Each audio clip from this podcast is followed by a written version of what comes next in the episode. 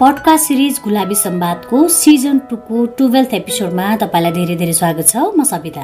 अनि म छु करुणा। पडकास्ट गुलाबी सम्वादमा हामी यौन तथा प्रजनन स्वास्थ्य र अधिकारसँग सम्बन्धित विभिन्न विषयवस्तुमा छलफल कुराकानी गर्ने गर्छौँ भने यो विषयसँग सम्बन्धित तपाईँका पनि केही जिज्ञासाहरू छन् भने त्यसलाई पनि समाधान गर्ने प्रयास गर्नेछौँ।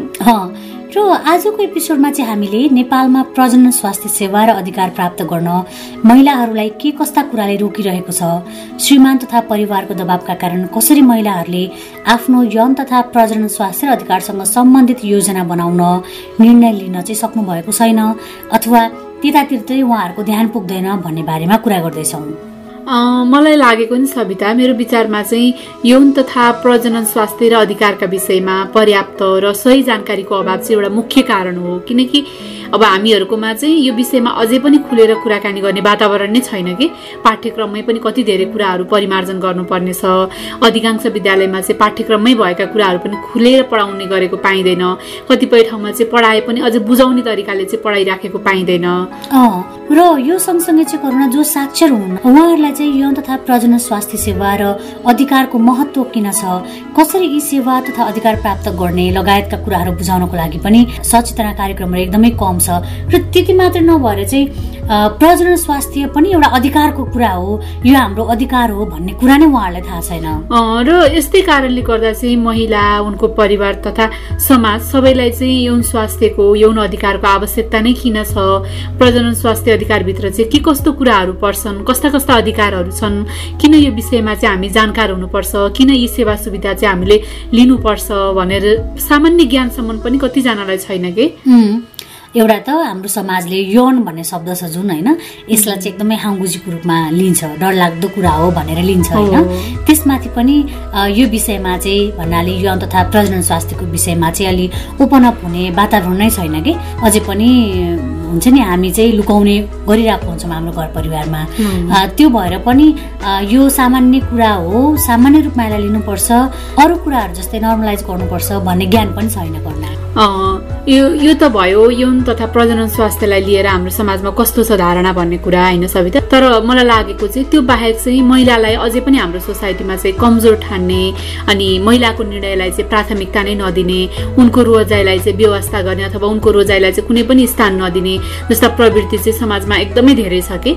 जसले गर्दा महिलाहरूले आफ्नो घर व्यवहारकै कुरामा करियरकै कुरामा पनि अझै खुलेर कुरा गर्न नसकेको अवस्थामा यौन तथा प्रजनन स्वास्थ्यको बारेमा त कुरा गर्ने वातावरण त अधिकांश महिलाको लागि प्राथमिकतामै नबस्ने विषय हो कि। एकदमै ठिक भन्यो करुणा तिमीले अधिकांश घरमा चाहिँ महिलाको विचार भावनालाई चाहिँ प्राथमिकतामा राखिँदैन कि? हो सविता र त्यो बाहेक भनेको चाहिँ असुरक्षित यौन व्यवहार तथा असहमतिमै यौन सम्बन्ध राख्न चाहिँ महिलालाई बाध्य बनाउने हाम्रो चाहिँ एक हिसाबको भनौँ न पारिवारिक सामाजिक लैङ्गिक संरचना छ होइन? अनि सन्तानको रूपमा चाहिँ छोरालाई नै जन्म दिनको लागि चाहिँ अथवा छोरा नै जन्माउनु पर्छ भनेर चाहिँ निरन्तर रूपमा प्रत्यक्ष अप्रत्यक्ष रूपमा महिलालाई दिने दबाव अनुमति बिना नै गर्भपतनको लागि चाहिँ परिवारले दिने दबाव अनि वैवाहिक बलात्कार लगायत लगायतका विभिन्न कुराले पनि नेपालमा चाहिँ यौन तथा प्रजनन स्वास्थ्य र अधिकारको मामलामा चाहिँ महिलाको पहुँच एकदमै कमजोर र एकदमै दयनीय अवस्था पनि देखिन्छ कि? हो। तिमीले अर्को कुरा कतिको ख्याल गरेको छ करुणा होइन? यो यौन तथा प्रजनन स्वास्थ्यसँग जोडिएका भ्रम र अन्धविश्वासहरूले पनि यौन तथा प्रजनन स्वास्थ्य र अधिकारको पहुँचमा चाहिँ महिलाको सहभागिता एकदमै कमजोर बनाएको हो कि जस्तो लाग्छ कि मलाई? ग्रामीण क्षेत्रहरूलाई हेर्ने हो भने चाहिँ यस्तो समस्या अझै धेरै छ। सहरी क्षेत्रमा अलिकता नदेखिने गरी भए पनि होइन? धेरै कुराले पनि महिलालाई चाहिँ आफ्नो यौन आफ्नो प्रजनन स्वास्थ्य अनि तीसँग सम्बन्धित सेवा सुविधा अधिकार प्राप्त प्राप्तिमा चाहिँ एकदमै धेरै समस्या सृजना भइराखेको छ। कतिपय चाहिँ प्रत्यक्ष रूपमा देखेका छन् कति चाहिँ अप्रत्यक्ष रूपमा भइराखेका छन्। तर यो विषयमा चाहिँ हामीले अझै पनि खुलेर कुरा गर्ने अथवा त्यस्ता समस्याहरू चाहिँ एक एक गरेर केलाउने खालको परिपाटी चाहिँ हामीहरूकोमा अझै पनि छैन। तर नि करुणा यस्ता खालका व्यवहार चलन आदिले चाहिँ एउटा महिलालाई मात्रै नभएर एउटा परिवारलाई समाजलाई कसरी पछाडि धकेल्छ के कस्ता कुरामा यसले समस्या सृजना गर्छ भन्ने पर्सपेक्टिभबाट चाहिँ चाहिने जति बहस र छलफल भएको चाहिँ छैन। तिमीले एकदमै ठिक भन्यौ सविता र तिमीले अहिले उठाएको प्रश्न नै मैले कैलाश राईसँग कुरा गरेको छु कि? बरु अब चाहिँ उहाँसँगकै कुराकानी सुनाउँछु तिमीलाई। हुन्छ हुन्छ अब हामी कहाँ चाहिँ यो प्रजनन स्वास्थ्य र अधिकारको कुरा गर्दाखेरि चाहिँ पहिलो कुरा चाहिँ मलाई लाग्ने चाहिँ हाम्रो एकदम पुरानो चालचलनदेखि जसलाई चाहिँ अब हामीले भन्दाखेरि चाहिँ सांस्कृतिक र सामाजिक संहिताको रूपमा हामीले अभ्यास गर्दै आएको एउटा स्थापित गरिएको चलन छ होइन? त्यो चलनले चाहिँ एउटा मनोविज्ञान तयार भएको छ। अनि त्यो मनोविज्ञानले नै चाहिँ यो यस्तो खालको सेवा अनि अधिकारहरू लिनलाई चाहिँ एकदमै रोकिरह जस्तो मलाई लाग्छ होइन? त्यो चाहिँ कसरी भने त्यस्तो खालको त्यो पुरानो खालको एकदमै त्यो महिलाहरूलाई चाहिँ अलि नियन्त्रित खालको भनौँ न शरीरको अङ्गहरूको आधारमा चाहिँ नियन्त्रण गर्ने खालको सामाजिकीकरण मार्फत चाहिँ हामीलाई एक खालको त्यो अधीनमा राखिएको छ नि त त्यही अनुसारले हाम्रो दैनिक जनजीवन चल्दै आएको छ। नीति कार्यक्रमहरू त्यही अनुसारले बनाइएका छन्। अनि एन पनि त्यही अनुसारले बनाइएको छ के त्यो हिसाबले चाहिँ अब यो भनौँ न एउटा चाहिँ हाम्रो दैनिक जनजीवनमै अलिक गाह्रो छ त्यो बारेमा खुलेर कुराकानी गर्न। अनि हाम्रो त्यो मानसिकताले चाहिँ अब कार्यक्रमहरू पनि त्यस्तै अलिक साँगुरो खालको बनाइन्छ। अनि एन पनि त्यसरी नै आएको छ भन्दा पनि हुन्छ होइन? जुन एन चाहिँ दुई हजार पचहत्तर सालमा बल्ल बल्ल बनेको छ। अब मैले जोड्नु खोजेको कुरा चाहिँ अब प्रजनन स्वास्थ्य सेवा र अधिकार भन्नु बित्तिकै यो अङ्गको स्याहार सुसार हेरचाहको कुरा आउँछ होइन? अब यहाँ ठ्याक्कै चाहिँ हाम्रो ठ्याक्कै मानसिकता कहाँ गएर जोडिन्छ भने अब यौन अङ्गको स्याहार सुसार भन्ने कुरा चाहिँ त्यो यौनसँग जोडेर हामीले बुझ्छौँ होइन? बुझ्ने बुझाइ नै गरिन्छ। अब यौन भन्नु बित्तिकै चाहिँ हाम्रो समाजमा सामाजिक संरचनाको हिसाबले पनि सांस्कृतिक कुराको रूपमा पनि एकदमै गोप्य कुरा हो है यो चाहिँ। होइन जहाँ पाए त्यही गर्नु हुँदैन जे पाए त्यही गर्नु हुँदैन यो चाहिँ एकदमै आवश्यकता भन्दा पनि बढी लुकाइनु पर्ने कुरा जस्तो हिसाबले चाहिँ हामीलाई सिकाइयो होइन। त्यो भएको भएर चाहिँ अब यो प्रजनन स्वास्थ्यको कुरा भयो होइन। अनि त्यो प्रजनन स्वास्थ्य भन्दाखेरि चाहिँ हामी कहाँ फेरि ठ्याक्कै जोडिने चाहिँ के रहेछ भनेर यसो फर्केर हेर्दाखेरि चाहिँ अहिलेको हाम्रो जुन अधिकारहरू पाइरहेछौँ एउटा चाहिँ गर्भपतनको सेवा भयो होइन? अनि गर्भनिरोध र परिवार नियोजनको साधन त्योसँगै जोडिने भयो। अर्को चाहिँ सुत्केरी प्रसुति सेवाको कुरा भयो।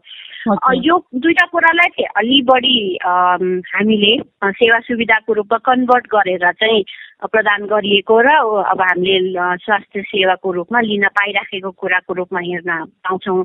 त्योभन्दा बाहेक धेरै कुराहरू छ नि प्रजनन स्वास्थ्य सेवा किशोर किशोरीको महिनावरीको कुरादेखि लिएर होइन त्यो आफ्नो किशोरीहरू कसरी चाहिँ यौन अवस्थामा प्रवेश हुन्छन्देखि लिएर थुप्रै कुराहरू त्यससँग जोडिन्छ। जुन कुरालाई चाहिँ हामीले जोडेका छैनौँ त्यस्तो कुराहरूलाई चाहिँ खुलेर कुराकानी गर्न हुन्न है।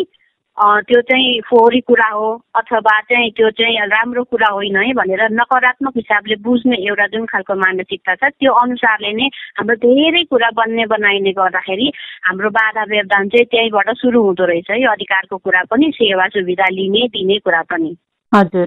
जस्तै यो यौन तथा प्रजनन स्वास्थ्यको अभावमा चाहिँ नेपालका महिलाहरूले के कस्तो खालको समस्याहरू चुनौतीहरू चाहिँ यहाँले खेपिराख्नु भएको देख्नु भएको छ के कस्तो खालको समस्या स्वास्थ्य समस्या सँगसँगै सामाजिक समस्याहरू चाहिँ देखिराखेको पाउनुहुन्छ। अब यो चाहिँ हामी कहाँ एउटा चाहिँ यो विषयलाई भर्खर भर्खरै छलफलमा ल्याइन थालेको छ। त्यो छलफलमा भनेको चाहिँ अलिकति अब समस्या धेरैजनासँग नै भएको तर त्यो समस्यालाई चाहिँ आपसमा मिलेर कुराकानी गर्नुपर्छ भन्ने हिसाबले पनि त्यति धेरै अभ्यासमा नल्याइएको भर्खर भर्खर अलिअलि सुरु हुनु थालेको एउटा चाहिँ त्यो त्यो समस्या के हो भनेर पहिचान गर्नलाई नै समस्या भएको भनौँ न त्यो पहिचान गर्नमा नै चाहिँ हामीलाई एकदमै त्यो ठुलो चुनौती छ भनौँ न। कसैलाई चाहिँ यौन सम्बन्धी केही रोग लाग्यो अथवा चाहिँ कसैलाई चाहिँ प्रजनन स्वास्थ्यमै पाठेघर आङ खस्यो अथवा कसैलाई चाहिँ होइन आफ्नो योनिबाट केही चाहिँ एकदमै नराम्रो कुराहरू त्यो इन्फेक्सन भयो भन्ने खालको कुराहरू पनि खुलेर आफूले आफ्नै आमालाई भन्न नसक्ने या श्रीमानलाई भन्न नसक्ने या साथीहरूलाई पनि भन्न नसक्ने एउटा छ होइन। त्यसले गर्दा त्यो त्यो एउटा लेभलको भइहाल्यो। अब के हो के हो समस्या हो भन्ने कुरा अब त्यो समस्या एउटा त्यो कुराकानी गर्ने खुलेर कुराकानी गर्ने जमात खासै तयार छैन। धेरै ठाउँमा तयार छैन होइन? अलि अलिकति आफ्नै हिसाबले बनेको पछिल्लो समय नयाँ पुस्तामा आएर चाहिँ त्यो अलिकति खोकुलो खालको भइराखेको छ। तर धेरै सहरमा पनि गाउँमा पनि अब यहाँ हामी कहाँ चाहिँ त्यो हाम्रो अघि मैले भनेको सामाजिकीकरण प्रक्रियाबाट हामी हुर्किँदै आउँदाखेरि चाहिँ त्यो बारेमा खुलेर कुराकानी गर्नु हामीसँग साहस छैन अप्ठ्यारो मान्छौँ। त्यो त्यसले गर्दाखेरि हाम्रो समस्या चाहिँ भन्नुपर्ने ठाउँमा पुग्नुपर्ने ठाउँमा पुग्दैन एउटा कुरा। अर्को चाहिँ अब त्यो चाहिँ हाम्रो दैनिक व्यक्तिगत जीवनसँग पारिवारिक जीवनसँग जोडिन्छ। होइन अर्को अब लु खुलेर कुराकानी गरिहाल्यो भने पनि पर्याप्त मात्रामा त्यस्तो कुरा कहाँ गर्न जाने भन्ने अर्को एउटा आउँछ त्यो भनेको हामीसँग सूचनाहरूको पहुँच छैन नि त। त्यो सूचनाको पहुँच नहुनु बित्तिकै चाहिँ अब यो कुरा कसलाई भन्ने कहाँ जाने भन्न मन लाग्दाखेरि पनि त्यो उचित ठाउँ नभेट्ने त्यो भनेको चाहिँ हामी कहाँ पर्याप्त मात्रामा यो भनौँ न क्लिनिकहरू नै छैनन् स्वास्थ्य कर्मीहरू छैनन् त्यो बारेमा। स्वास्थ्य कर्मीहरूलाई पनि यो विषयमा अलिक खुलेर कुराकानी कसरी गर्ने सहज रूपमा एकअर्कासँग कसरी कुराकानी गर्ने सेवा दिने भन्ने खालको अलिकति त्यो खालको तालिमहरू अथवा सहजीकरण गर्ने खालको सिपहरूको विकास चाहिँ अलिक गराउन बाँकी छ होइन? त्यो हुनु बित्तिकै एउटा गोप्य हुन्छ। अब त्यसले के ल्याउँछ भने एउटा चाहिँ मानसिक समस्या ल्याउँछ तपाईँमा होइन? तपाईँमा भन्दैछ जो जो जो यो यो प्रक्रियाबाट गुज्रिरहनु भएको छ यो समस्याबाट। के भयो कसो भयो भन्ने हिसाबको त्यसको समाधानतिर जानुभन्दा पनि मानसिक समस्या ल्याउँछ होइन दिमागमा एकदम धेरै कुरा त्यसले जन्माउँछ। एउटा अर्को चाहिँ शारीरिक रूपमा पनि तपाईँको स्वास्थ्यमा त्यसले असर गर्छ। शारीरिक रूपमा स्वास्थ्य असर गर्ने भनेको र मानसिक रूपमा दुइटै भनेको चाहिँ तपाईँको वृत्ति विकासमा त्यसले एकदमै बढी चाहिँ असर पार्छ। भनौँ किशोरीहरूलाई चाहिँ त्यस्तो यो यौन सम्बन्धी कुनै समस्या भयो अथवा प्रजनन अङ्गहरू सम्बन्धी कुनै खालको समस्या भयो र त्यो कुरा चाहिँ समयमा हामीले थाहा पाएनौँ र त्यसलाई चाहिँ उपचार भएन भने भविष्यमा गएर चाहिँ त्यसले एउटा त प्रजनन स्वास्थ्यलाई मजाले नै होइन उनीहरूको आफ्नो रिप्रोडक्टिभ हेल्थलाई नै समस्यामा पार्छ। अनि त्यसले गर्दाखेरि चाहिँ बाँकी जिन्दगी चाहिँ धेरै भनौँ न यो हाम्रो सोसल स्टिगमेटाइज भएर बिताउनु पर्ने हुन्छ होइन? कतिलाई चाहिँ अब हामी कहाँ योसँग एउटा जोडेको कुरा चाहिँ यो बाँझोपना भन्ने आउने एउटा समस्या भन्छ नि होइन? अर्को पाठेघर खस्ने लगायतको थुप्रो समस्याहरू हुन्छ नि। यो समस्या त तपाईँको जन्मजात आउने होइनन् नि। यी समस्याहरू चाहिँ सही समयमा उपचार नपाएर अथवा सही समयमा त्यसलाई चाहिँ भन्नुपर्ने ठाउँमा भन्न नपाएर चाहिँ त्यसले ठुलो विकराल रूप लिएर अनि समस्या त्यो समस्या हुन्छ। अनि त्यसले चाहिँ महिलाहरूको पारिवारिक जीवनलाई वैवाहिक जीवनलाई चाहिँ ध्वस्त गर्छ। अर्को योसँग जोडिएको कुरा चाहिँ कसरी प्रभाव पार्छ भन्दाखेरि हामी कहाँ एउटा भाष्य छ नि त्यो भाष्य भनेको चाहिँ कस्तो छ भने महिलाहरू चाहिँ बिहे नगरुन्जेल अथवा चाहिँ बिहे पछाडि जुन सन्तान नजन्माउन्जेलसम्म चाहिँ स्वास्थ्य हुन्छन् अनि अर्को त्योसँग जोडिने भनेको आकर्षक हुन्छन् भन्ने। त्यो यो दुइटै चाहिँ पेट्रार्कल पर्सपेक्टिभबाट बनाइएको चाहिँ त्यो त्यो एउटा भनौँ न मान्यता हो होइन?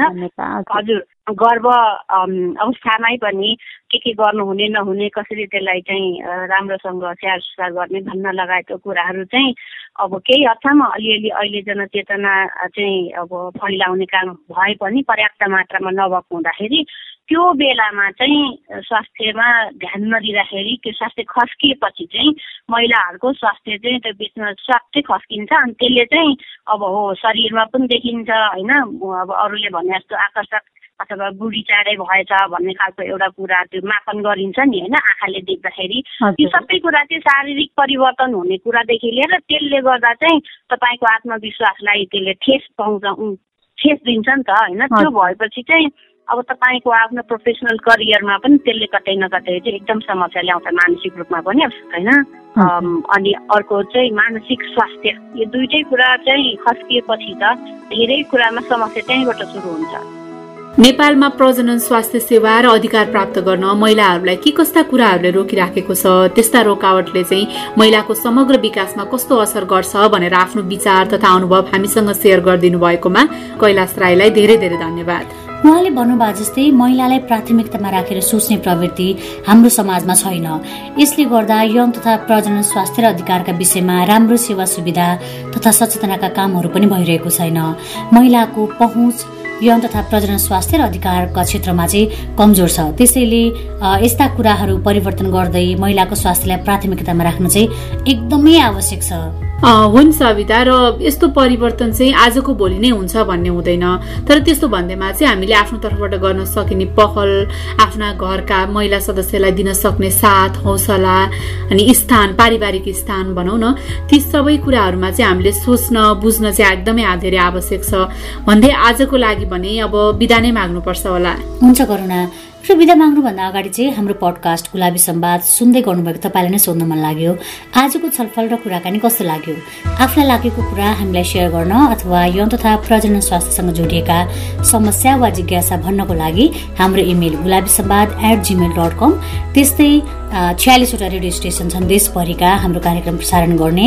र त्यो सँगसँगै चाहिँ हाम्रा विभिन्न सोसल साइटहरूमा गुलाबी संवाद सर्च गरेर हामीसँग जोडिन सक्नुहुन्छ। त्यस्तै तपाईँले यौन तथा प्रजनन स्वास्थ्य र अधिकारसँग सम्बन्धित विभिन्न भोगाईहरू अनुभवहरू चाहिँ हामीसँग सेयर गर्न मन लागेको छ भने हामीसँग सेयर गर्न पनि सक्नुहुनेछ अघिको ठेगानामा। र हामीलाई सेयर गरेर हामीले प्रकाशन गरेका ब्लगहरू तपाईँलाई पढ्न मन लागेको छ भने चाहिँ हाम्रो website W W W dot Gulabi Sambad dot कममा गएर हाम्रा विभिन्न ब्लगहरू छन् त्यहाँ यौन तथा प्रजनन स्वास्थ्य र अधिकारसँग सम्बन्धित तिनीहरू पढ्न सक्नुहुन्छ भन्दै आजको लागि पडकास्ट सिरिज गुलाबी सम्वादको दोस्रो सिजनको टुवेल्थ एपिसोडबाट करुणा र सविता बिदा माग्छौँ। नमस्ते। अर्को श्रृङ्खलामा फेरि भेट्नेछौँ।